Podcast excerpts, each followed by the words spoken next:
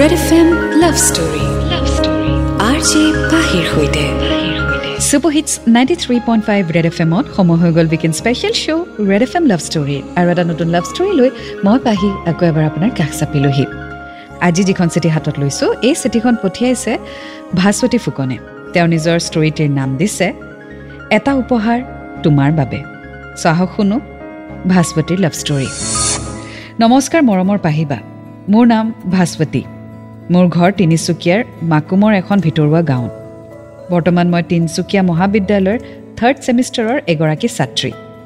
এইখিনিতে আপোনাক জনাব বিচাৰোঁ বা মই তিনিচুকীয়া কলেজৰ হোষ্টেলতে থাকোঁ আৰু আমাৰ ৰুমৰ সকলোৱে আপোনাৰ লাভ ষ্টৰী একেলগে শুনো।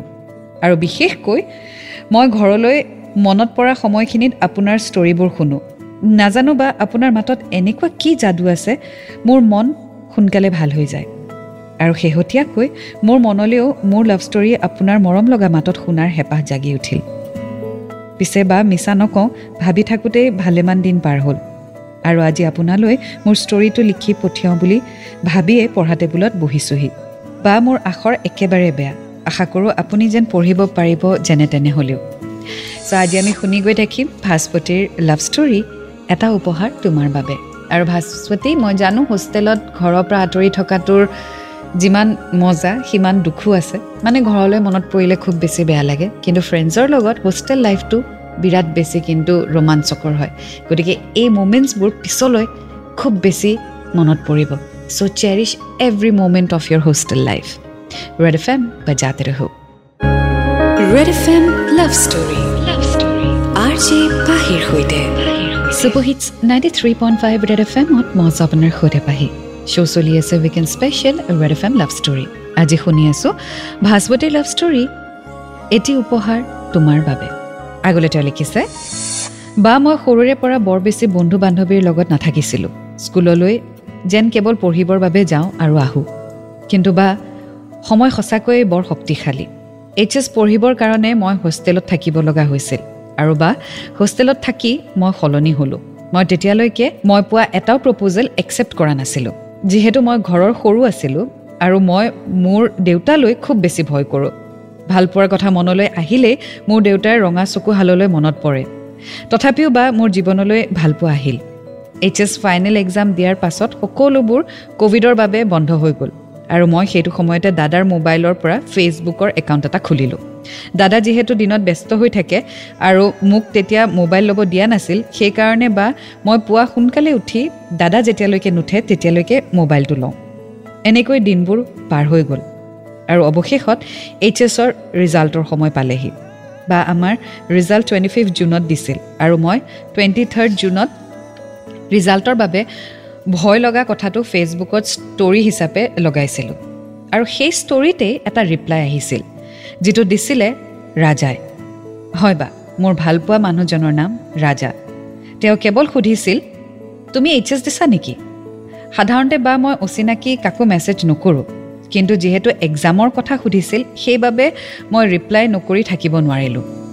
আৰু ময়ো কেৱল বুলি ৰিপ্লাই দি থৈ দিলোঁ। চ' আগলৈ কি হয় জানিবলৈ অপেক্ষা কৰক। আৰু ভাস্পতি এইখিনিতে জনাই দিওঁ ফৰ পাৰ্চনেল ৰিজনছ আমি তোমাৰ পাৰ্টনাৰৰ নাম চেঞ্জ কৰি দিছোঁ। I hope you will understand this so' personal safety personal ছিকিউৰিটিৰ বাবে আমি পাৰ্টনাৰৰ নামসমূহ সলনি কৰি দিওঁ। চ' আগুৱাই গৈ থাকিম আজি ষ্টৰীৰ সৈতে এণ্ড ৰেড এফ এম বা জাতে ৰহো। Red F M love story love story R J পাহিৰ সৈতে। Welcome back to the show' Red F M love story মই আছোঁ আপোনাৰ সৈতে পাহি। আজি শুনি আছোঁ ভাস্পতিৰ লাভ ষ্টৰী এটা উপহাৰ তোমাৰ বাবে। আগলৈ তেওঁ লিখিছে পিছদিনা পুৱাই ৰাজাই মোক মেছেজ কৰিছিল সাধাৰণ কথা বতৰা। তাৰ পাছৰ পিছদিনা অৰ্থাৎ পঁচিছ জুনত আমাৰ ৰিজাল্ট দিছিল আৰু ৰাজাই মোক দিনত অনলাইন পায়েই মেছেজ কৰিছিল আৰু ৰিজাল্টৰ খবৰ লৈছিল। হে কি কৰি আছা? এই বহুত কাম ৰবা তাকে কৰি আছো। ইমান কাম? কিহৰ? কিয়? নাজানা? ৰিজাল্ট দিছে নহয় আজি? অ' খুব ভাল হৈছে যেন পাইছোঁ। পাৰ্টিটো হ'বনে? ভাল হৈছে বাৰু মানে আশা কৰা মতে নহ'ল কিন্তু মাহঁত হেপী। আহিবা আকৌ। অঁ পিছে তুমি ছিংগল নে মিংগল? এইটো কেনেকুৱা কুৱেশ্যন এনেকে কোনে সোধে? নহয় মানে মিংগল থাকিলে আৰু বয়ফ্ৰেণ্ডে কিবা কিবি ক'ব পাৰ্টি খাব গ'লে সেইকাৰণে সুধিলোঁ আৰু। এবাৰ ঘৰত আহি চাবা আৰু দেন গম পাবা আমাৰ ঘৰৰ মানুহে আলহীক কেনেকৈ ট্ৰিট কৰে। এনেই এইবোৰ কৈ থাকিব নালাগে। নাই এনেই ধেমালিহে কৰিছোঁ। হ'ব দিয়া বাই এই বুলি মই কথা সামৰিলোঁ কাৰণ বা মোৰ তেতিয়ালৈ বহুত বেছি খং উঠিছিল। আৰু ধেমালিবোৰৰ মাজেৰে সি যেন বেলেগ ক'ব বিচাৰিছে তেনেকুৱা লাগিছিল মোৰ। সেইবাবে মই পলাব বিচাৰিছিলোঁ। Well healthy flirting is okay আজিকালি ফ্লাৰ্ট কৰা মানেই যে প্ৰেম সেইটো নহয়। আগতে কিন্তু ফ্লাৰ্ট ৱাজ এ ফ্লাৰ্ট মানে হেল্ডি ফ্লাৰ্টিং কৰি ভাল লাগে বা নিজকে স্পেচিয়েলো ফিল কৰোৱা যায় বা ফিল কৰাও যায়। কিন্তু আজিকালি অলপ ফ্লাৰ্ট কৰা বা ভাল লগা বা ভাল পোৱাৰ মাজত ইমান বেছি কনফিউজন হৈ গৈছে থেংকছ টু ছ'চিয়েল মিডিয়া যে কোনেও একচুৱেলি ধৰিব নোৱাৰে যে সঁচাকৈ তেওঁ ভাল পায় নে এনেই কথা পাতিছে নে টাইম পাছ কৰি আছে আৰু তেনেকুৱা ধৰণৰ মেছেজো মই বহুত পাওঁ। So' you have to take time কেতিয়াবা healthy flirting doesn't mean that that person likes you or loves you সেই ব্যক্তিজনে বাছ কথা পাতি ভাল পায়। তাতকৈ আৰু বেলেগ মিনিং উলিয়াবলৈ চেষ্টা নকৰিব। কাৰণ দুখ আপুনি পাব। আৰু তেওঁ বেয়া পাব। আগুৱাই গৈ থাকিম ৰেড এফ এম বজাতে ৰহো। Red F M love story love story R J পাহিৰ সৈতে। Super hits ninety three point five Red F এমত মই আছোঁ আপোনাৰ সৈতে পাহি। শ্ব' চলি আছে weekend special Red F M love story আজি শুনি আছোঁ ভাস্বতীৰ লাভ ষ্টৰী এটা উপহাৰ তোমাৰ বাবে। আগলৈ তেওঁ লিখিছে বা এদিন কথাৰ মাজতেই সি মোক জনাইছিল যে তাৰ প্ৰায় পাঁচ ছয় বছৰৰ একপক্ষীয়া ভালপোৱা আছিল। যাৰ পৰা সি কেতিয়াও ভাল সঁহাৰি পোৱা নাই। গম নাপাওঁ বা ভাল লাগিছিল কিবা এটা তাক। সি সঁচা কোৱাৰ বাবে নেকি? সেয়া অৱশ্যে গম নাপাওঁ। হয় বা মোৰ তাক ভাল লাগিছিল অৱশ্যে। সম্পৰ্ক হোৱাটো বিচৰা নাছিলোঁ কিন্তু কিবা এটা তাক ভাল লাগিছিল। কি গম পোৱা নাছিলোঁ। এদিন বা আকৌ আমাৰ মাজত অলপ তৰ্ক হ'ল। মই এটা মিম শ্বেয়াৰ কৰিছিলোঁ য'ত আছিল মই যিমান কাম কৰিলেও মোৰ মায়ে মোক কাম কৰা নেদেখে। আৰু বা ৰাজাই মোৰ সেই পষ্টটোত কমেণ্ট কৰিছিল যে মোৰ শাহুমা তেনেকুৱা নহয়। বা মই অকোৱা পকোৱাকৈ কথাবোৰ ক'লে খুব বেয়া পাওঁ। ময়ো তাক ক'লোঁ যে তোমাৰ শাহুমা নহ'ব পাৰে কিন্তু মোৰ মা হয়। হঠাৎ ইমান বেছি খং উঠিছিল যে মই ৰ'ব নোৱাৰি লগালগ তাক ফেচবুকত মেছেজ কৰিলোঁ। তুমি কি দি আছা এইবোৰ কমেণ্টত? কি দিলোঁ? মই মোৰ মাৰ কথা কৈ আছোঁ।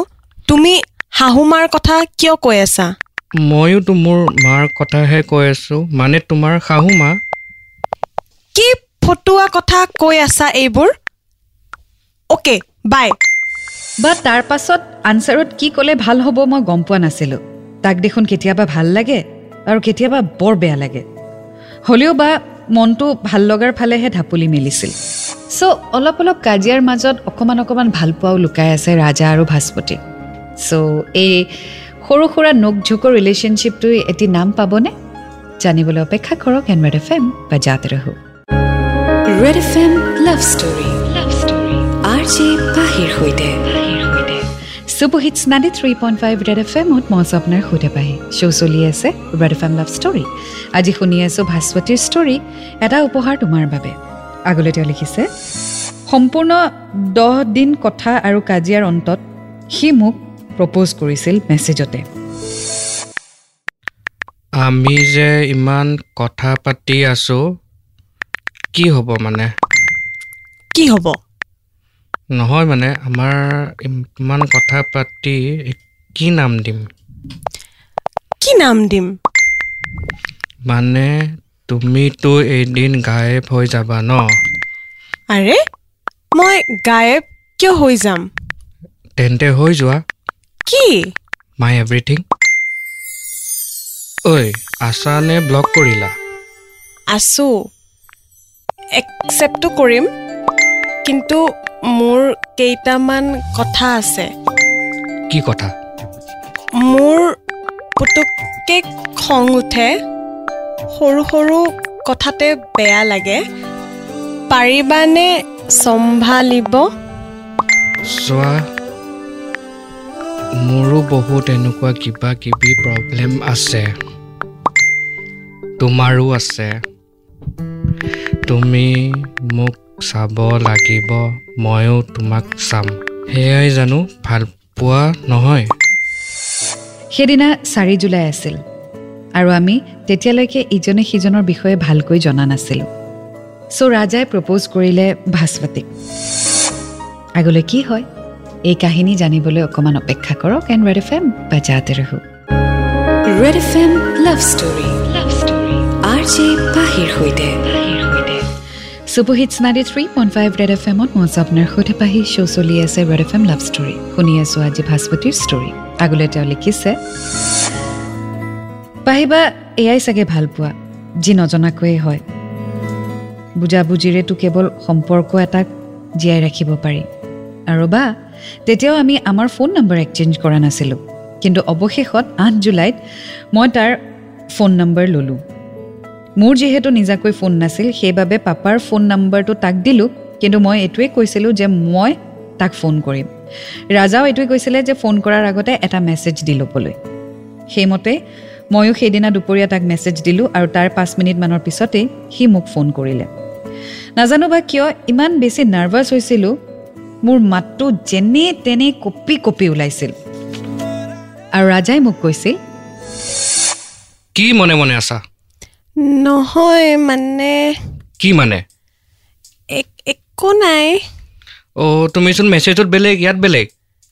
নহয় তেনেকুৱা এ নহয় হ'ব দিয়া হ'ব দিয়া মেছেজতে আহা। এই বুলি কৈ ৰাজাই ফোনটো ৰাখি দিলে। ময়ো ৰক্ষা বুলিয়ে ভাবিলোঁ। অৱশ্যে বা সেয়া অকল প্ৰথম কথা পতাৰ দিনাহে হৈছিলে। তাৰ পাছৰ পৰা কথা ইমানেই বেছি হৈছিল যে সময় কেনেকৈ পাৰ হৈছিল গম নাপাইছিলোঁ। অৱশ্যে বা মই ঘৰত কোনো নাথাকিলেহে তাৰ লগত কথা পাতোঁ। চ' এটা ৰিলেশ্যনশ্বিপত সোমাই পৰিলে ৰাজা আৰু ভাস্পতি চ' আগলৈ কি হয় জানিবলৈ অপেক্ষা কৰক এণ্ড ৰেড এফ এম বাজাতে ৰহো। Red F M love story. Love story. R J পাহিৰ সৈতে। ৱেলকাম বেক শ্ব' চলি আছে Red F M love story. মই আছোঁ আপোনাৰ সৈতে পাহি। শুনি আছোঁ ভাস্পতিৰ ষ্টৰী। এটা উপহাৰ তোমাৰ বাবে। আগলৈ তেওঁ লিখিছে সময়বোৰ এনেকৈয়ে পাৰ হৈছিল। লাহেকৈ মই মোবাইল ল'লোঁ আৰু নিজৰ ফোন নম্বৰ হোৱাৰ পাছত আমাৰ আৰু সুবিধা হৈছিল। ৰাতি এক দুইমান বজালৈকে আমি কথা পাতিছিলোঁ। তেতিয়াও কথা ৰৈয়ে গৈছিল আৰু পুৱা পাতিম বুলি সামৰিছিলোঁ। বা যিহেতু আমি তেতিয়ালৈকে লগ পোৱা নাছিলোঁ সেইবাবে এদিন লগ কৰাৰ প্লেনো কৰিলোঁ। মই মোৰ বেষ্ট ফ্ৰেণ্ডৰ লগত গৈছিলোঁ আৰু সি তাৰ ফ্ৰেণ্ড এজনৰ লগত আহিছিলে। সেয়া আছিলে ফিফটিন ছেপ্টেম্বৰ বতৰ অলপ বেয়া আছিল। হ'লেও বা আমি প্ৰথমবাৰৰ বাবে ৰেজৰ্টত লগ পালোঁ। ৰাজা যে ইমান লাজ কৰিছিল বা সি মোৰ মুখলৈও ভালকৈ চাব পৰা নাছিল আৰু মই তাৰ সম্পূৰ্ণ ওলোটা। সি একোৱেই নকয় মই কথা কৈয়ে গৈছিলোঁ। ফোনত সদায় শুনা মাতটো সন্মুখত আৰু বেছি ভাল লাগিছিল। ভালপোৱাবোৰ লগ কৰাৰ পাছৰ পৰা আৰু বাঢ়িব ধৰিলে। আৰু খুব সুন্দৰকৈ তেওঁৰ ভাল লগাবোৰ সামৰি মই ঘৰলৈ উভতি আহিলোঁ। চ' আল্টিমেটলি ৰাজা আৰু ভাস্বতীয়ে লগ পালে। And it was a beautiful moment আৰু অফক'ৰ্ছ ৰিলেশ্যনশ্বিপ ষ্টাৰ্ট হোৱাৰ পিছত যেতিয়া প্ৰথম আপুনি লগ পাবলৈ যায় তাৰ এক্সাইটমেণ্ট লেভেলটোৱে বেলেগ হয়। কি পিন্ধি যাম কেনেকুৱা দেখিছে দহবাৰমান নিজকে আইনাত চোৱা। যেতিয়ালৈকে মানুহজন আহি নাপায় তেতিয়ালৈকে এটা ভয় এটা নাৰ্ভাছনেছ বাটাৰফ্লাইজ যেতিয়া মানুহজন আহি পায় তেতিয়া কি ক'ম কি নক'ম চকুলে চাম নাচাম that's a different feeling right so' আপুনি অলপ মনত পেলাওকচোন কেইটামান গীত শুনি লওক বাজাতে ৰহো Red F M love story love story R J পাহিৰ সৈতে ৱেলকাম বেক মই আছোঁ আপোনাৰ সৈতে পাহি আপুনি মোৰ সৈতে শুনি আছে weekend show' Red F M love story আজি শুনি আছোঁ ভাস্পতি ষ্টৰী এটা উপহাৰ তোমাৰ বাবে শেষত তেওঁ লিখিছে লাহে লাহে সময়বোৰ পাৰ হ'ল আৰু মোৰ ভালপোৱাই দেউতাৰ প্ৰতি থকা ভয়ক জয় কৰিলে। মই নিজেই মা দেউতাক ৰাজাৰ কথা ক'লোঁ। আৰু প্ৰথমতে দেউতাই আপত্তি কৰিছিল যদিও বৰ্তমান সেয়া নহয়। মই মোৰ মাৰ লগত তাক কথা পতুৱাই দিছিলোঁ। আৰু ৰাজায়ো মোৰ কথা তাৰ ঘৰত সকলোকে জনাইছিল। তাৰ মাকৰ সৈতে মোকো কথা পতুৱাই দিছিলে। যোৱা ডেৰ বছৰে মই যি বুজিলোঁ সি কথা কমকৈ কয় আৰু বেছিকৈ শুনে। আৰু বা যিখিনি সময় সি কথা কয় সেইখিনি সময়তে নহয় খং উঠাব নতুবা কন্দুৱাব। এই দুয়োটাই আকৌ মোৰ খুব সোনকালেই হয়। বা আৰু এটা কথা কি জানেনে? আমি যেতিয়াই লগ পাওঁ সেইদিনাই বতৰ বেয়া কৰে আৰু কেতিয়াবা বৰষুণো দিয়ে। সেয়েহে চাগে বৰষুণ দিলেই তাৰ কথাই প্ৰথম মনলৈ আহে। কেতিয়াবা মা কেতিয়াবা দেউতা কেতিয়াবা দাদা নতুবা ভাইটিৰ দৰে আচৰণ কৰা মোতকৈ তিনি বছৰ ডাঙৰ এই ল'ৰাটোক মই বহুত বেছি ভাল পাওঁ পাহিবা। বৰ্তমান ময়ো পঢ়ি আছোঁ আৰু ৰাজাও ভালকৈ সংস্থাপন নোপোৱালৈকে ময়ো মা দেউতাক সকলোখিনি কৰি দিব নোৱাৰালৈকে এই যাত্ৰা অব্যাহত থাকিব বা। ভাগ্যত কি আছে সেয়া নাজানো যিহেতু আমাৰ হাতত নাথাকে। কিন্তু যিকোনো সিদ্ধান্ত লোৱাৰ ক্ষমতা আমাৰ হাতত নিশ্চয় আছে। মই বিশ্বাস কৰোঁ আমাৰ দুয়োজনৰ সিদ্ধান্তই আমাৰ ভাগ্যক কাষ চপাই আনিব। শেষত বা ক'ব বিচাৰোঁ মোৰ হোষ্টেলৰ লগৰ বৰ্ণময় দুৱৰাই আপোনালৈ চিঠি লিখিবলৈ প্ৰেৰণা দিলে। থেংক ইউ আৰু থেংক ইউ ছ' মাছ ৰাজা তুমি মোৰ জীৱনলৈ আহিলা। আশা কৰিম সদায় যেন এনেদৰে থাকা আৰু পাহিবা। আপোনাক থেংক ইউ ক'লেও কম হ'ব। আপুনি আপোনাৰ ইমান ধুনীয়া মাতেৰে আমাৰ ষ্টৰিটো শ্বেয়াৰ কৰাৰ বাবে লাভ ইউ পাহিবা। ভগৱানৰ ওচৰত আপোনালৈ বুলি সুস্বাস্থ্য আৰু দীৰ্ঘায়ু জীৱন কামনা কৰিলোঁ।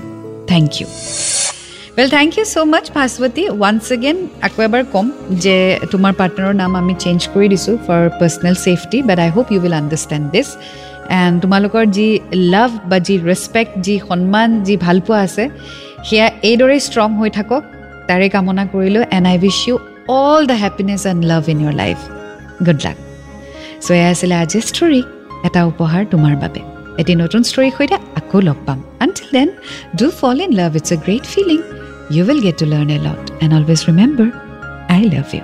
And Red FM, bachate raho.